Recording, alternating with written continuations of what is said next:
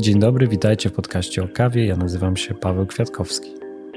Wydaje mi się, że sensoryka kawy to bardzo popularny temat, dlatego wraca do podcastu. W jednym z poprzednich odcinków o sensoryce rozmawiałem z Błażejem Walczykiewiczem, a dziś moim gościem jest Marta Niwińska, która podobnie jak Błażej jest trenerem w firmie Coffee Support. Posłuchajcie, jak można w uporządkowany sposób mówić o odczuciach, które towarzyszą nam przy kawie. Zaglądajcie też na nową stronę podcastu podcastokawie.pl. Tam więcej informacji o poprzednich gościach podcastu, również fotorelacje, zdjęcia z nagrań oraz transkrypcja rozmowy.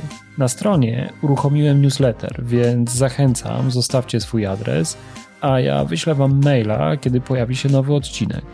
Podcast o kawie jest oczywiście dostępny we wszystkich aplikacjach do słuchania podcastów. Dzisiejszy podcast nagraliśmy w kawiarni Miło Bistro na warszawskiej Ochocie. Jeżeli będziecie w okolicy, to polecam to miejsce. Na pewno, podobnie jak my w trakcie nagrania, wypijecie tam dobrą kawę. Moim gościem jest Marta Niwińska. Marta na co dzień pracujesz z Błażejem Walczykiewiczem w Coffee Support.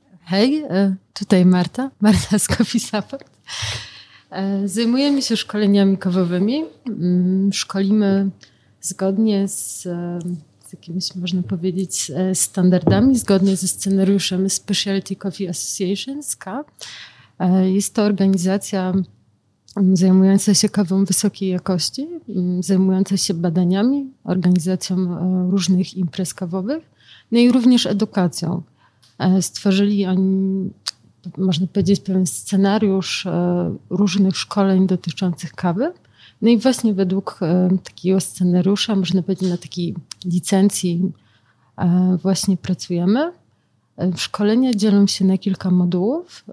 My w tym momencie zajmujemy się trzema modułami. To jest moduł barista, sensory skills i brewing. E, ja akurat prowadzę e, szkolenia z sensory skills, e, czyli szeroko pojętej wiedzy dotyczącej sensoryki, głównie w tym wypadku sensoryki kawy.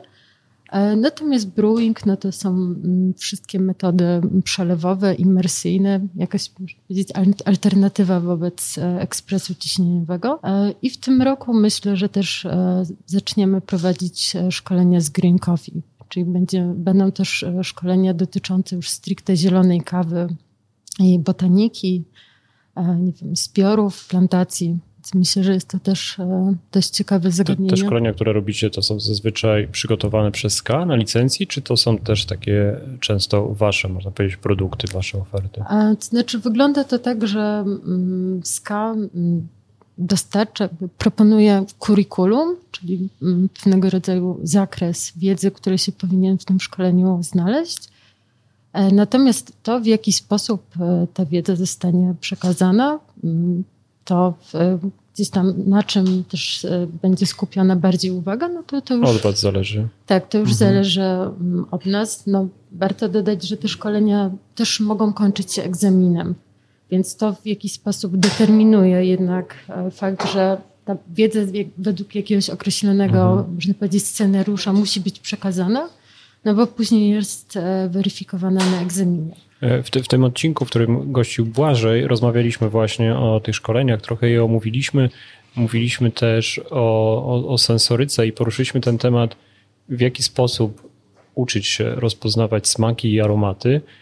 E, przyznam, że to jest taki bardzo ciekawy temat dla osób, które zajmują się kawą, ale też tak od strony pasji. Zauważam gdzieś na mediach społecznościowych. Wydaje mi się, że to też z tego powodu, że łatwo znaleźć instrukcję o tym, e, jak w odpowiedni sposób z każdą metodą zrobić dobrą kawę. E, trochę trudniej, jeśli chodzi o informacje, jak uczyć się tych smaków. Powiedz, jak to wyglądało u, u ciebie? No, zakładam, że, że masz takie ponadprzeciętne umiejętności. Znaczy, nie wiem, czy ponad e, przeciętne, natomiast e, rzeczywiście no, skupiam dość sporą uwagę na jakiś sposób rozwijania, rozwijaniu tego zagadnienia. E, jeśli chodzi o sensorykę, no to tak, to o czym wspominałeś, że z jednej strony jest to bardzo obiektywne, można, można postrzegać to w obiektywny sposób, można mówić o sensoryce z użyciem bardzo obiektywnych nie wiem, kategorii, kategorii atrybutów i tak dalej. Jakie to są te obiektywne, jakbyś mogła tak mm, żeby wiesz, to, są, to są na przykład określenia dotyczące aromatu, dotyczące intensywności smaków podstawowych, e, dotyczące tekstury napoju. Mhm. Więc tak, istnieje, można powiedzieć, pewnego rodzaju katalog różnych określeń, które mają pomóc nam uporządkować naszą wypowiedź.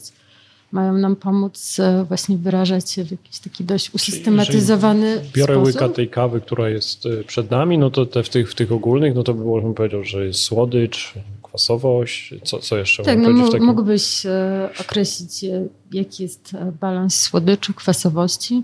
Ty byś tak słyszysz i mówisz, o, widzę, że amator. No właśnie nie. I tutaj myślę, że też pewnie gdzieś tam za jakiś czas o tym wspomnimy, że tutaj bardzo dobrze sprawdza się reguła od ogółu do szczegółu, albo mniej znaczy więcej że gdzieś tam myślę, że to też jest jedno z wyzwań w momencie, kiedy uczymy się sensoryki, uczymy się tworzyć te opisy, że chcemy opisywać bardzo szczegółowo to, co czujemy w kawie. E, natomiast no, zanim zaczniemy opisywać to bardziej szczegółowo, no, najpierw e, trzeba skoncentrować się na pewnych e, podstawach, czyli właśnie na przykład na, na tym, jaki jest balans smaku, jaka jest tekstura napoju, jaki jest jego posmak. Natomiast już jakiś bardzo szczegółowy opis flavor, czy nie wiem, my czujemy nuty truskawek czy owoców tropikalnych, no to właściwie już ma znaczenie drugorzędne. Jakby to nie jest clue e, tego typu e, opisu. Natomiast wracając do Twojego pytania dotyczącego jak, jak, jak nauki z jakby samej sensoryki, no to z jednej pierwszym takim właściwie wyzwaniem jest to, żeby właśnie nauczyć się robić dość w miarę obiektywnie, z użyciem właśnie tej e, terminologii.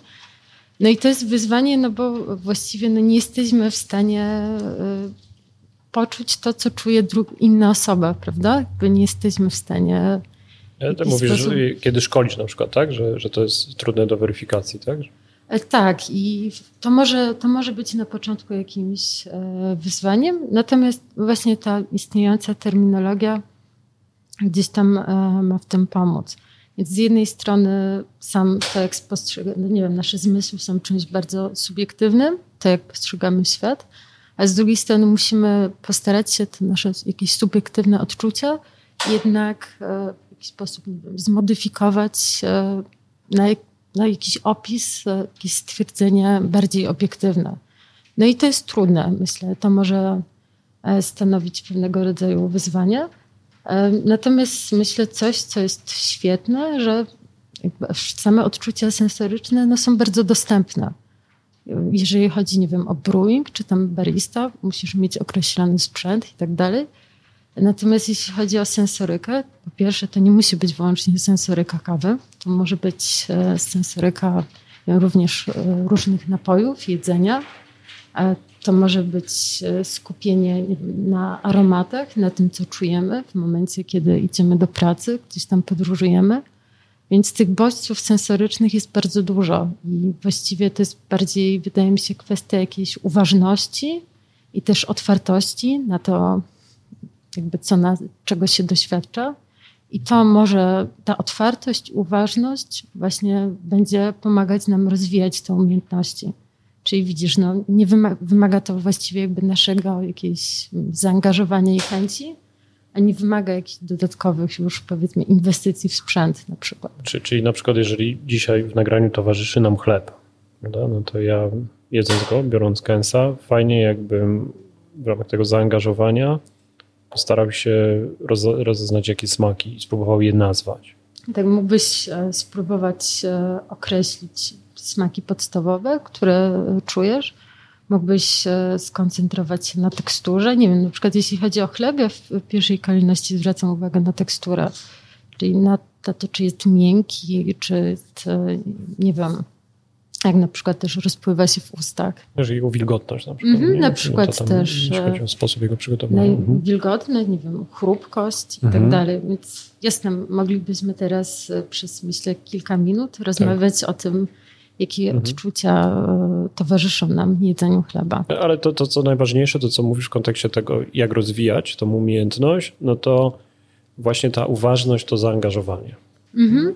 I to też jest e, zabawne, bo mm, dużo mówi się teraz o jakichś, nie wiem, na przykład różnych praktykach e, medytacyjnych. Nie ja się na tym nie znam, więc też nie chciałabym tutaj mm, gdzieś tam opowiadać jakiś głupot, ale jak czasami mm, gdzieś tam sobie mm, czytam jakieś rzeczy, no to rzuca mi się w oczy właśnie ta zachęta do tego, żeby skupiać się na jakichś detalach i na takich rzeczach e, z życia codziennego. E, poświęcać myśli wyłącznie temu, jako jedna z praktyk takich, które mają nas w ten sposób uspokoić na przykład.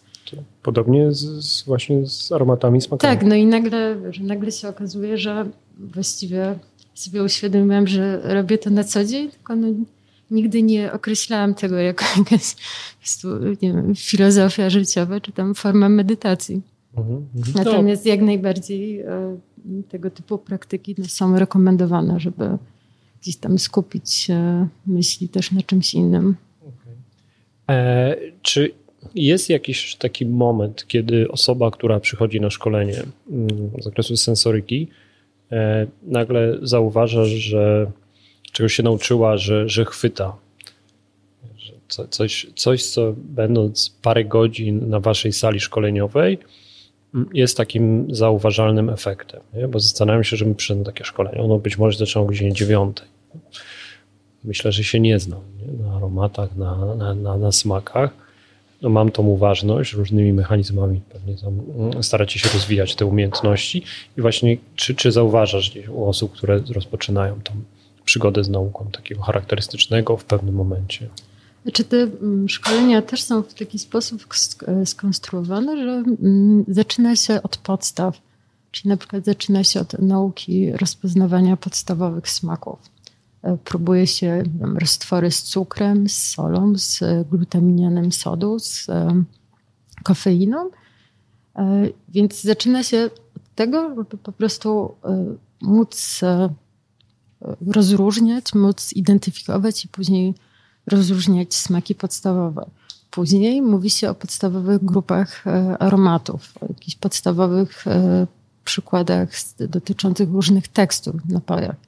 Więc jakby nawet osoba, która wcześniej nigdy w świadomy sposób, nie wiem, nie mówiła o swoich odczuciach sensorycznych, to po kolei uczy się takich bardzo jakby ogólnych założeniach, jak to robić krok po kroku. Więc już po przejściu tych powiedzmy trzech, czterech, po tych trzech, czterech ćwiczeniach już y, otrzymujesz pewną bazę, którą możesz wykorzystać do tego, żeby zacząć mówić o tym, co się czuje. Ja największą satysfakcję mm, odczuwam w momencie, kiedy widzę, że e, ludzie zaczynają już mówić o tym w sposób uporządkowany, że to nie jest jakiś po prostu e, ciąg, e, wie, ciąg wielu jakichś tam atrybutów, czy tam odczuć, tylko że ta, że ta wypowiedź rzeczywiście Podaj nabiera... przykład jakiś... właśnie takiego wiesz, uporządkowanego wynazwania smaków. No, to jest ciekawe. Trudno, trudno to zrozumieć, jak, jak nie, nie, mam, nie mam przykładu. Na przykład, gdzie jest chaos, a gdzie jest Na porządek. przykład piję kawę uh-huh. i zaczynam od stwierdzenia, że tej kawie jest wysoka intensywność słodyczy i średnia intensywność kwasowości. Więc określam smaki podstawowe. Później e, mogę coś też powiedzieć o flavor, czyli o połączeniu odczuć e, aromatu i odczuć smaku i mogę stwierdzić, że ta kawa ma mm, jakieś nuty czekolady, owoców. Kropka nie, nie ma potrzeby, żeby tutaj dostarczać jakichś bardzo szczegółowych opisów. Wystarczą spokojnie, powiedzmy, dwie grupy. E, później e, stwierdzam, że posmak w tej kawie jest e, dość długi, intensywny, słodki. Na koniec dodaję, że kawa ma gładką teksturę. W momencie, kiedy mam ją w ustach, te odczucia dotykowe kojarzą mi się z czymś gładkim ma wysokie body, czy jest dość gęsta. No i tyle. Okay. Właściwie mamy, mamy pełny opis, dość uporządkowany, no, który nawet jeżeli e, sami nie czujemy tego napoju, no to e, sami nie pijemy w tym momencie tego napoju, no to jesteśmy w stanie jak najbardziej sobie, nie wiem, czy to jest właściwe określenie, zwizualizować, e, jak, jak on będzie, jak on jak smakuje, jaki ma charakter. Więc myślę, że ten moment, kiedy powiedzmy widzę, że ktoś zaczyna łapać, to, to jest moment, kiedy słyszę, że jest w stanie w uporządkowany sposób mówić o tym, co czuje. W taki świadomy też. Mhm. I to nie wymaga wcale jakichś bardzo y, skomplikowanych, rozbudowanych opisów. Właściwie no, mniej znaczy, jeżeli zrobimy to jakiś y, świadomy sposób, to może się okazać, że no mniej znaczy więcej w tym mhm. wypadku. Mhm. E, I jeszcze zapytam Ciebie, że wiesz, mała, myślę, część słuchaczy pracuje w branży i ma przyjemność uczestniczyć w tych waszych szkoleniach, choć zakładam, że to nie tylko ludzie, którzy zawodowo zajmują się kawą, przychodzą na wasze szkolenia. E, I to, co powiedziałeś, bardzo jest, jest ciekawe. Jest taką fajną wyskocznią do, do takiego rozwoju pracy nad sensoryką.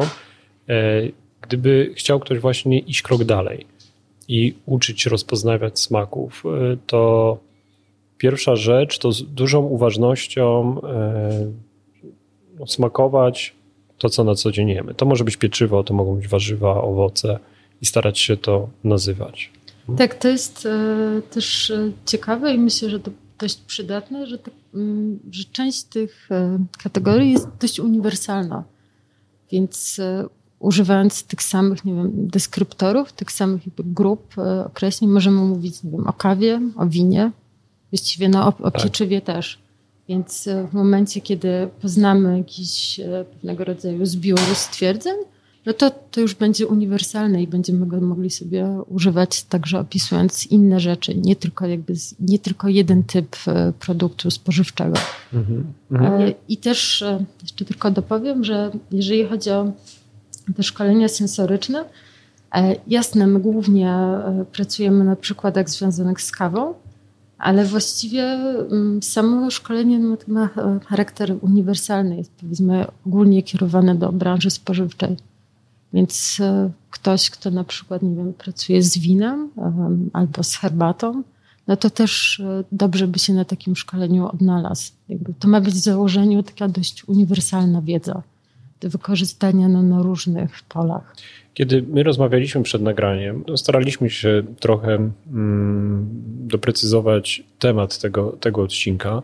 To mówiłaś o wyjściu poza, poza kawę, jeśli chodzi o sensorykę. Mówiłaś między innymi o, o winie. Czy to jest taki obszar, który Ciebie też szczególnie zawodowo interesuje? Czy, czy, czy to łączysz to w jeden zbiór? To cały czas jesteś w tym, co robisz, ale, ale wino jest jakimś tylko innym, innym elementem. Wiesz co, ostatnio zastanawiałam się, jak długo zajmuję się kawą i wyszło mi, że to jest około 7 lat. Jasne. W... Jeszcze może dopytam, bo wiesz, bo mm, może być to ciekawe na słuchaczy, ale ja też przyznam, że nie wiem, że zanim rozpoczęłaś współpracę z Błażejem, to pracowałeś we wrocławskich kawiarniach, tak? E, tak, to jest, e, myślę, że mój przypadek jest e, dość zabawny, bo Ogólnie pracę z kawą mm, zaczęłam od tego, że założyłam własną kawiarnię wraz z moją koleżanką z Jaka studiów. to była kawiarnia? E, to była kawiarnia, która nazywa się Kafe Sztuczki. Była to mm, kawiarnia zlokalizowana na Uniwersytecie Wrocławskim w Instytucie Historii Sztuki. Nie, nie wiedziałem, że to ty, ale ja znam tą. To tak, 2014 no, rok? Tak, właśnie kurczę, jadąc tutaj pomyślałam, że pewnie o to zapytasz i zastanawiałam się, który to był. To był chyba 2014-15, gdzie z Justyną studiowałyśmy historię sztuki, natomiast e, miałyśmy jakieś wrażenie, że może niekoniecznie, okej, okay, nie mogę mówić za Justynę, powiem za siebie. Ja, ja miałam wrażenie, że może niekoniecznie jest to coś, czym chciałabym się później zajmować zawodowo. I w ogóle najpierw myślałam, żeby założyć punkt z naleśnikami. Tak, to wydawało mi się świetne. Smażyć naleśniki. No ale ostatecznie okazało się, że miejsce, w którym chcia, które jest wolne, które można w jakiś sposób przeznaczyć na jakiś punkt gastronomiczny, ma kiepską wentylację. Więc no, naleśniki niekoniecznie, więc drugi te, pomysł był, ok, no to może kawa. Więc właściwie... Ten przypadek zdecydował, że dzisiaj robisz tak, to, co robisz? Tak, dokładnie. Może byłabym teraz To tak jak w tym Mistrz, filmie Mistrzem naleśników. Tak. Film, film Kieślowskiego, jakiś przypadek, że tam jest kilka właśnie tak, epizodów i to, to u ciebie było jest, w ten tak, sposób. Tak, jestem tym Bogusławem Lindą, tak. który spóźnił się na pociąg. Że każdy z nas jest, tylko w innym kontekście. Tak.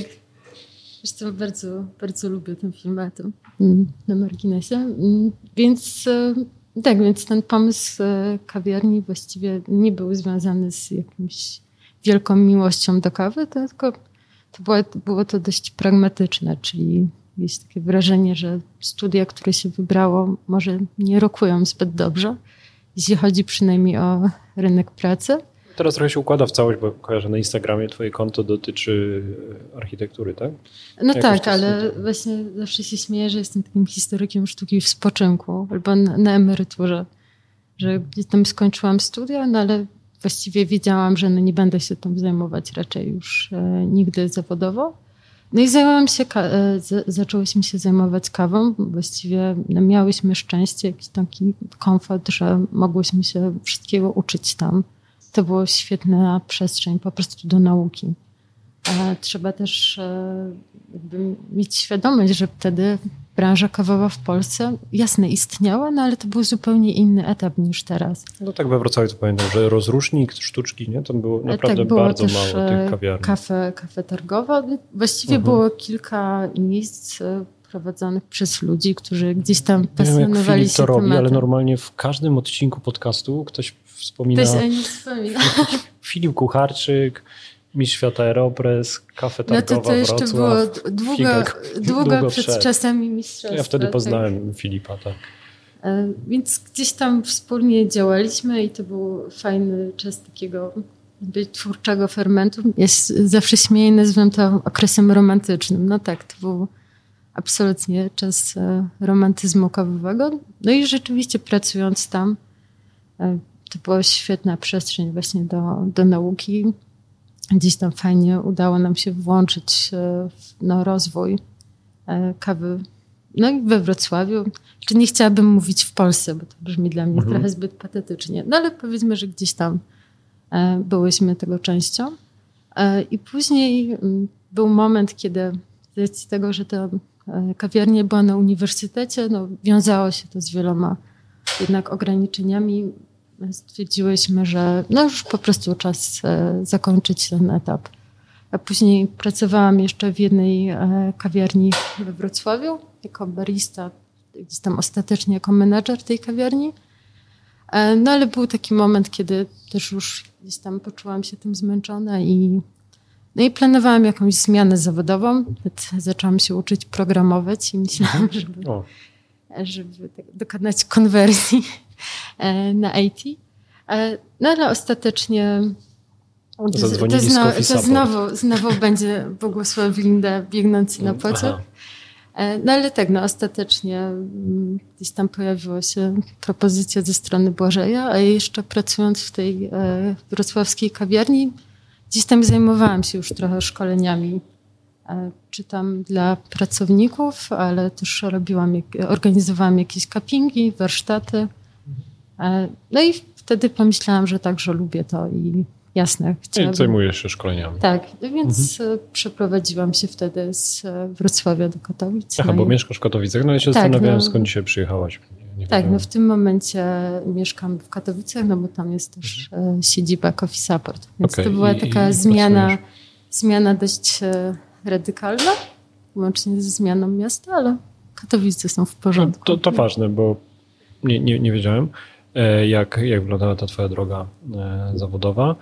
E, wróćmy właśnie do tych smaków, aromatów i tematów wokół kawy, mm, bo rozmawialiśmy o winie, że kiedy... Tak, no bo jakby zapytałeś tak. skąd, tak. skąd pomysł, żeby zająć się czymś jeszcze i w jakim zakresie.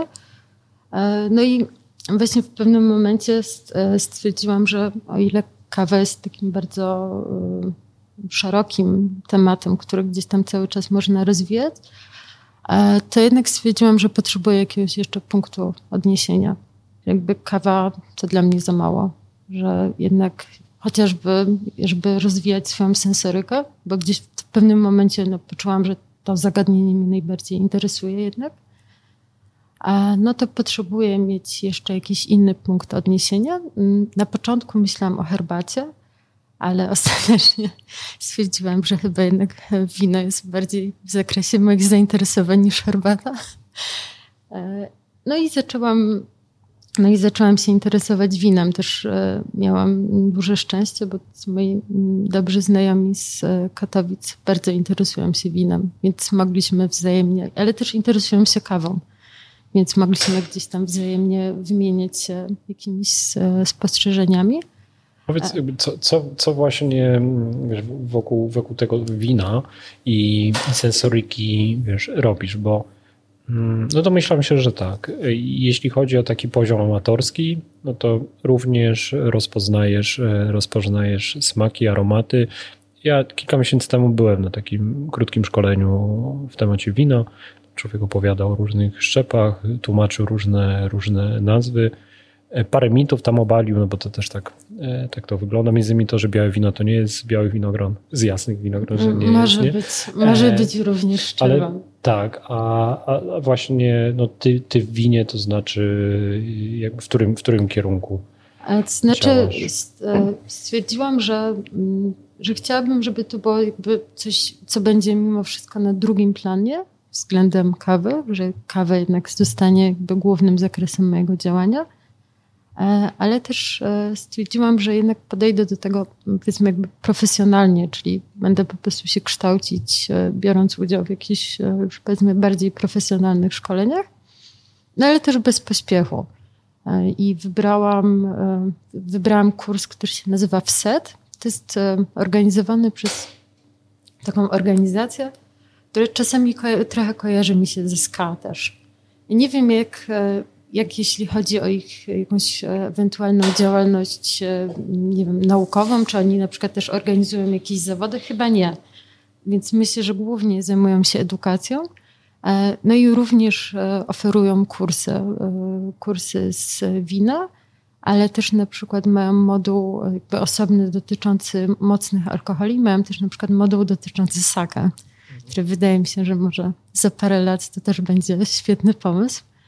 E, no i właśnie e, stwierdziłam, że chciałabym sobie zrobić to szkolenia, mm, szkolenia w set. W tym momencie jestem e, po pierwszym szkoleniu.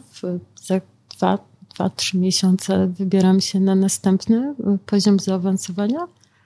I myślę, że, że to jest w porządku, że tutaj w tym momencie już nie musisz jakby poświęcać czasu na poszukiwanie informacji, na jakąś ich ewentualną weryfikację, tylko otrzymujesz po prostu jakiś um, konkretny zbiór materiału no, od organizacji, której myślę, że możesz zaufać. Ogólnie jeśli chodzi o edukację, myślę, że to jest z jednej strony coś świetnego, ten ogół dostępności informacji, chociażby w internecie, ale z drugiej strony no, ciężko jest to wszystko zweryfikować, ciężko jest to poddać selekcji. Więc w tym momencie decyzja, żeby jednak skorzystać z jakichś e, profesjonalnych szkoleń od organizacji, która jest godna zaufania, no jest też taką decyzją pragmatyczną, że już no nie musisz e, poświęcać dodatkowo czasu na to. W takiej krótkiej naszej rozmowie to powiedziałaś, że jakby szerzej widzisz tą sensorykę, poza winem wymieniałaś e, na przykład oliwę. Oliwę, ale też jeszcze wspomniałabym o jednej rzeczy, o takim wydarzeniu, które było w pewnym sensie dla mnie kluczowe, żeby jednak zająć się czymś innym niż kawa, tylko jeśli chodzi o kwestie sensoryki. E, I pamiętam, że znalazłam kiedyś e, coffee flavor wheel, który dotyczył ostryg. Może jeszcze powiedzmy słuchaczom. Coffee flavor wheel to jest takie narzędzie, koło, e, które zawiera różne atrybuty, które są przydatne przy opisywaniu kawy. Jest, jest to w formie koła. Mm, koło jest podzielone na pierścienie. W wewnętrznej stronie mamy najbardziej ogólne kategorie i im bardziej poruszamy się na zewnątrz, tym te kategorie, atrybuty e, stają się bardziej szczegółowe. Ja, dołączę do opisu odcinka link. Mhm. Mhm, tak, więc jest to takie narzędzie, które może nam na początku pomóc opisywać kawę, E, ale co ciekawe, takie flavor wheel e, nie są wyłącznie e, tworzone do kawy. Są właściwie każda, powiedzieć, e, dziedzina, każda część branży spożywczej takie swoje koło ma. Więc są, są koła do wina, do herbaty, do oliwy i między innymi było też koło do ostryg. Mnie to jakoś niesamowicie zafascynowało, że można opisywać ostrygi w ten sposób. Zresztą jak to znalazłam, jestem wegetarianką już od 15 lat właściwie, więc też nie, nie przyszłoby mi do głowy, żeby jeść ostrygi. Ale jak zobaczyłam to koło, no to no oszalałam i stwierdziłam, dobrze, zjem te ostrygi tylko po to, żeby móc się posługiwać tym kołem. A co tam było innego niż w kawie? E, wiesz co, tam było, generalnie, jeśli dobrze pamiętam, to koło jest podzielone na trzy kategorie. Jest pierwsza kategoria dotycząca smaków, e, smaków podstawowych. E, druga kategoria dotycząca posmaku, bardziej rozbudowana. I trzecia dotycząca tekstury. Więc e, właśnie sam fakt, że istnieje koło do czegoś innego niż kawa, że istnieje koło nawet do czegoś tak jednak, no, można powiedzieć, niszowego jak ostrygi, to mnie bardzo zainspirowało, żeby jednak szukać więcej. W ogóle mm, sam właśnie, samo to narzędzie, te koła, e, koła sensoryczne, to było dla mnie jakiś taki punkt wyjścia, więc najpierw sobie znalazłam właśnie to koło do ostryg, i ostatecznie no, wybrałam się e, do restauracji, żeby sobie e, na taką degustację właściwie ostryg, e, żeby móc tego koła użyć. No i później idąc tym tropem znalazłam sobie koło na przykład do oliwy i też spędziłam, pamiętam, że to była taka deszczowa niedziela i cały dzień spędziłam po prostu z tym kołem próbując... kupiłaś sobie kilka rodzajów oli? oli tak? tak? w ogóle skorzystałam z takiej bardzo e, fajnej możliwości, e, gdzie można było e, zamówić taki set e, degustacyjny. Oliw? Oliw, e, w tym wypadku to były oliwy hiszpańskie i było w tym secie było pięć różnych szczepów jednorodnej oliwy.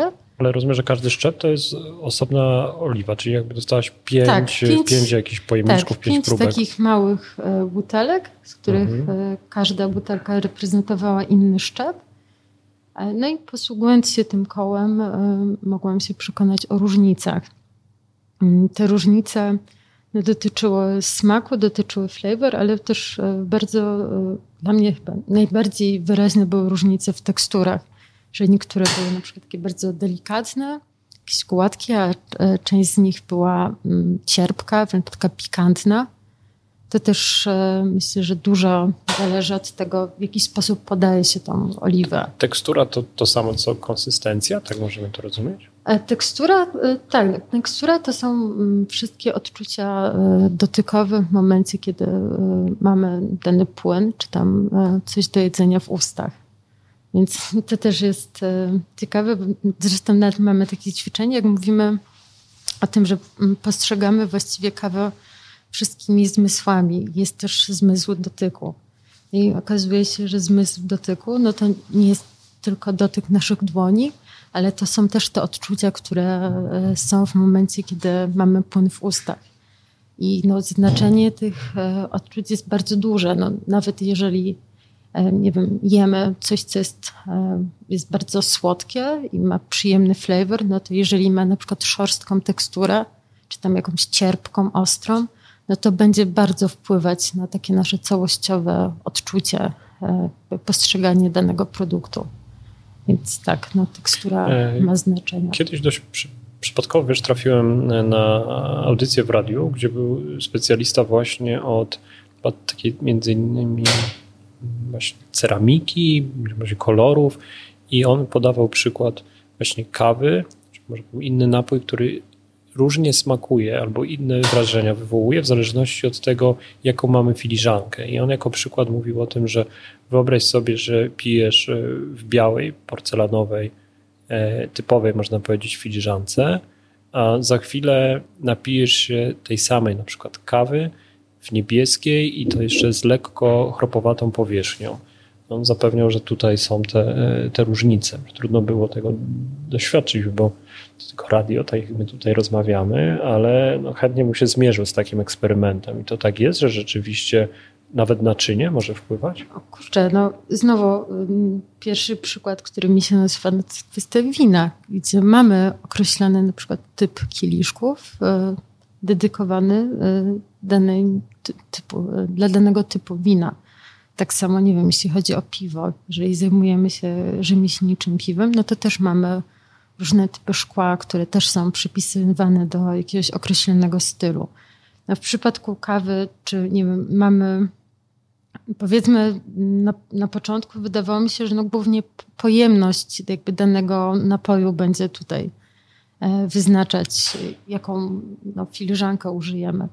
Ale tak, jakby myślę, że i kolor, e, tekstura i tak dalej też e, na pewno będą wpływać na jakiś nasz odbiór tego. Wiesz, no, może no jest taki, mhm. jeszcze tylko przerwę, mhm. jest właściwie taki osobny dział dotyczący E, nazywające się błędy w analizie sensorycznej. Jeden z takich błędów, które możemy popełniać, to jest błąd e, jakiegoś czynnika zewnętrznego.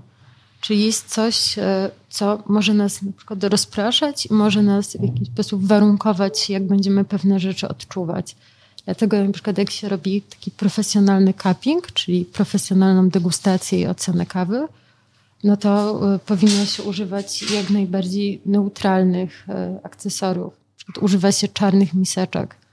Często e, na przykład używa się też czerwonego światła po to, żeby no nie było żadnych takich dodatkowych czynników, wcale nie związanych przecież z kawą, no związanych na przykład z kolorem naczynia, które mogłyby nas w jakiś sposób warunkować.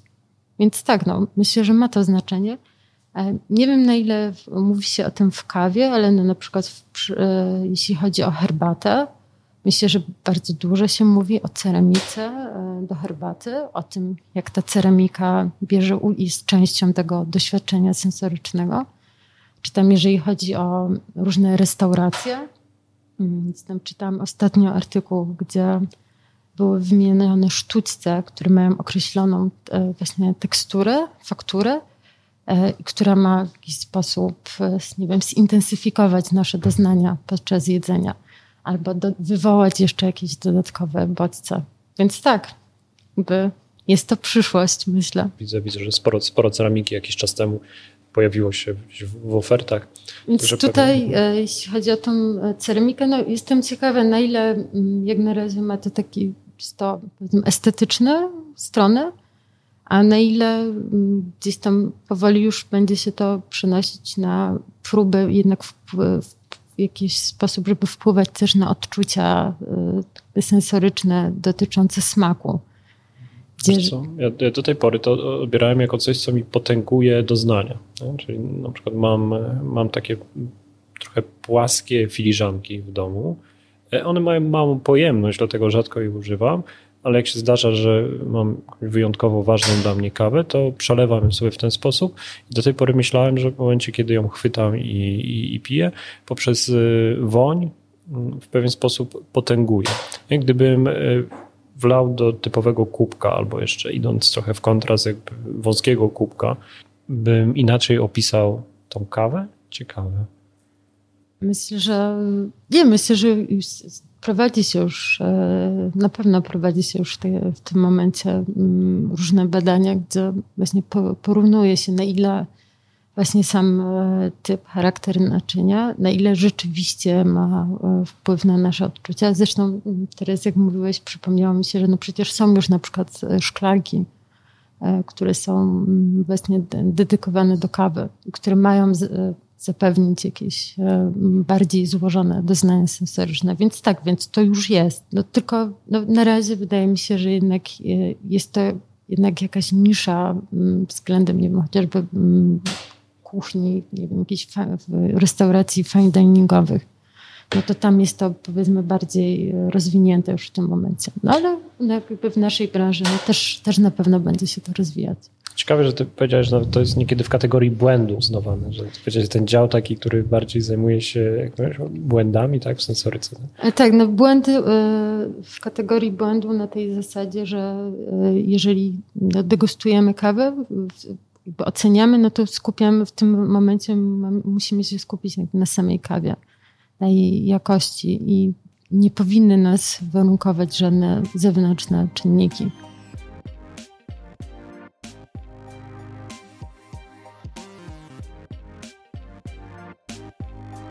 Mówiłeś, że Warszawa kulinarnie jest dla ciebie ciekawa, bo mm, zgłębiasz takie obce kuchnie. Znaczy, e, w, w, tym momencie jestem absolutnie zakochana w kiszonkach, e, w szczególności w kimchi. Więc gdzieś tam e, trochę jeśli chodzi o kuchnię koreańską, jakby zależy mi, żeby tutaj sobie poznawać jak najwięcej miejsc. No, aczkolwiek, tak jak wspominałam, jestem wegetarianką, więc w jakiś sposób częściowo powiedzmy, że mnie to ogranicza, no ale całe szczęście większość, czy chciałam powiedzieć, że większość kiszonek jest e, wegetariańskich, no niekoniecznie, bo na przykład często są z e, sosem rybnym e, albo ostrygowym, no ale mm, gdzieś tam mimo wszystko można też to, tą dziedzinę tam eksplorować. Więc tak, jakby kiszonki są jakby kolejnym jakimś tam e, rzeczą, którą się teraz e, bardzo interesuję. Na ile nie wiem, degustacja kiszonek pomaga mi e, później w opisywaniu kawy, nie wiem. Natomiast jeśli chodzi o wino, no to tak, to zauważyłam, że w pewnym momencie, że zdecydowanie łatwiej było mi na przykład opisywać teksturę kawy po tym, jak popracowałam sobie więcej z winem. Więc nie wiem, jak właśnie często tam osoby pytają mnie, jak rozwijać się sensorycznie, to jasno wskazuję jakieś y, parę różnych ćwiczeń dotyczących kawy, ale też zawsze zachęcam, żeby spróbować sobie znaleźć coś jeszcze. Może nie, nie, nie wiem, cztery czy pięć y, jakichś y, dziedzin, tylko powiedzmy jedną. Myślę, że jedna tutaj w, w zupełności wystarczy. To nie musi być e, oczywiście alkohol. To może być, nie wiem, e, herbata, czekolada i tak dalej. Myślę, że sery jest też takim ciekawym mhm. obszarem. No ale fajnie, fajnie coś mieć. Mhm. E, I zresztą no coś, coś znowu w kawie. Myślę, że to się dopiero rozwija, natomiast w winie jest to już zdecydowanie bardziej system eksplorowany, no to to jak łączy się wino z jedzeniem, taki pairing. Jeżeli chodzi o kawę, kojarzę, że są już jakieś pierwsze próby um, jakichś tego typu działań, natomiast no, w przypadku wina już bardzo dużo się o tym mówi, jak łączyć e, wina z określonym typem potraw. E, jak te potrawy mo mogą sprawić, że to wino będzie, nie wiem, bardziej intensywne, będzie miało, nie wiem, na przykład bardziej intensywną kwasowość albo słodycz.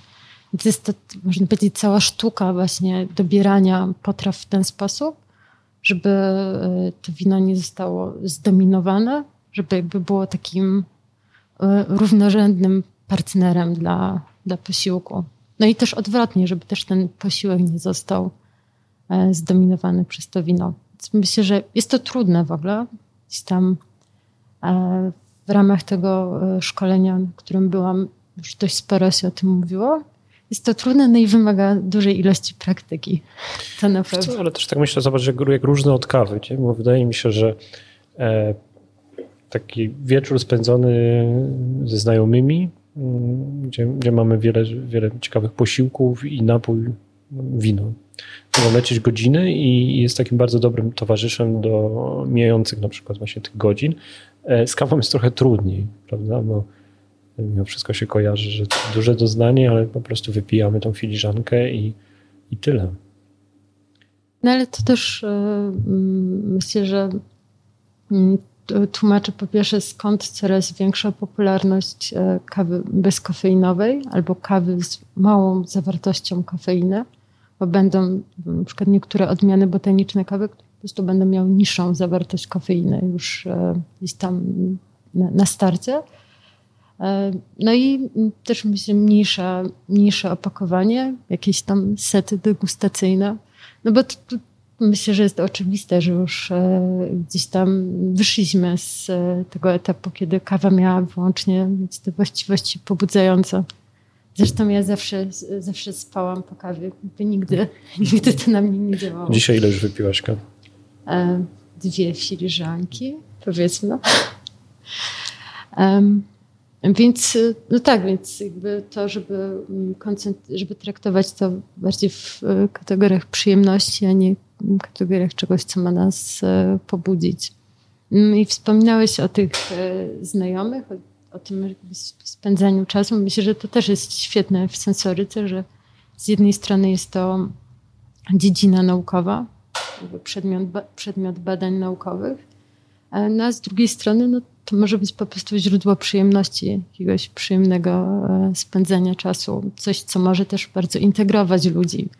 Myślę, że nie ma nic przyjemniejszego niż taka wspólna dyskusja o tym, co jemy, co pijemy. Że właśnie wie, wielu z nas, osób, które interesują się kawą, e, no właśnie tak robi, że gdzieś znajomemu podrzucasz dobrą kawę i później obserwujesz, co dzieje się dalej. To jest często tak, że się rozwija w ciekawe rozmowy o tym, że rzeczywiście piłem i zauważyłem różne, różne aromaty, smaki e, i można tu porozmawiać. E, no, w, innym przypadku jakby nie robi takiego wrażenia. No więc jest, jest ten taki aspekt e, integrująco-towarzyski i to też myślę, że jest bardzo fajne w tym. Marta i cała twoja droga właśnie w sensoryce, to dzisiaj trochę o niej poopowiadaliśmy, a powiedz, co przed tobą w sensoryce, jak, jak tak myślisz? Znaczy z takich już sztywnych planów, no to przyszłym miesiącu, mam nadzieję, e, będę brała udział w kursie i później egzaminie z Q-Gradera. Więc to jest takie e, najbliższe w wyzwanie. E, tak, w Polsce Q-Grader to jest osoba, która kształci się i później też zdobywa uprawnienia w dziedzinie profesjonalnej oceny jakości kawy. Więc to też no jest jakieś tam moje powiedzmy marzenie, ukoronowanie e, drogi zawodowej, jeśli chodzi o kawę. E, więc to chciałabym dalej kontynuować tą edukację związaną z winem. E, chciałabym robić coraz lepsze kimchi. I kurczę, no, myślę, że myślę, że tyle albo aż tyle. Już jakby nie staram się nie wyznaczać sobie jakichś takich bardzo sztywnych założeń, tylko no, gdzieś tam też trochę płynąć z tym kawę w tym momencie traktuję w kategoriach zawodowych, no ale poza jakby tymi e, kwestiami zawodowymi, no chcę mieć jakieś jeszcze inne rzeczy, które po prostu sprawiają mi przyjemność i już tutaj bez jakiegoś takiego można określonego planu gdzieś tam się w tym rozwijać. Zazwyczaj podobnie działasz w każdych obszarach, czy jednak jesteś tak bliższa temu, żeby parę rzeczy w życiu były uporządkowane, E, poustalane i stara się je realizować? Znaczy, no ja lubię porządek, więc e, tak, e, staram się działać według jakiegoś określonego planu, co oczywiście też nie zawsze wychodzi i czasami jest przedmiotem też jakichś moich frustracji. No, więc tak, więc gdzieś tam no, lubię, lubię mieć jakiś plan, jakąś strukturę. Natomiast oczywiście jest też miejsce na jakieś bardziej spontaniczne decyzje. To ciekawe, wiesz, bo jakoś staram się mm, wiesz, zestawić to w tym, co, co, co, o, czym, o czym mówiłaś w ciągu naszego godzinnego spotkania.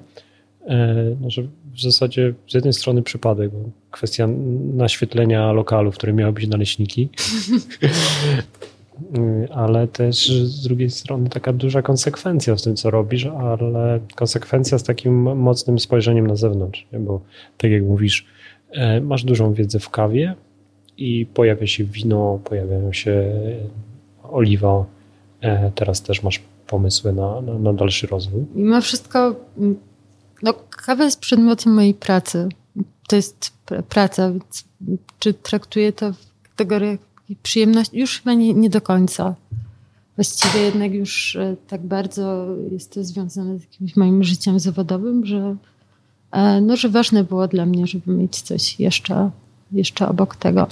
Marta, bardzo dziękuję Ci za to spotkanie. Chyba rok umawialiśmy się na, na to nagranie. E, tak, trochę to trwało, ale udało się. No myślę, że jest takie bardzo wartościowe, jeśli chodzi o, o, o sensorykę. Tak jak wspominałem, jest to temat bardzo popularny bo myślę, że niewiele jest materiałów w internecie na, na, na, ten temat. Oczywiście zapraszamy na Wasze szkolenia, bo mówiłaś o tym, że to nie tylko osoby, które działają zawodowo, czy nie tylko jakby kierowane przez firmę, ale też osoby, które prywatnie. Tak, no, kursy mają e, trzy poziomy zaawansowania.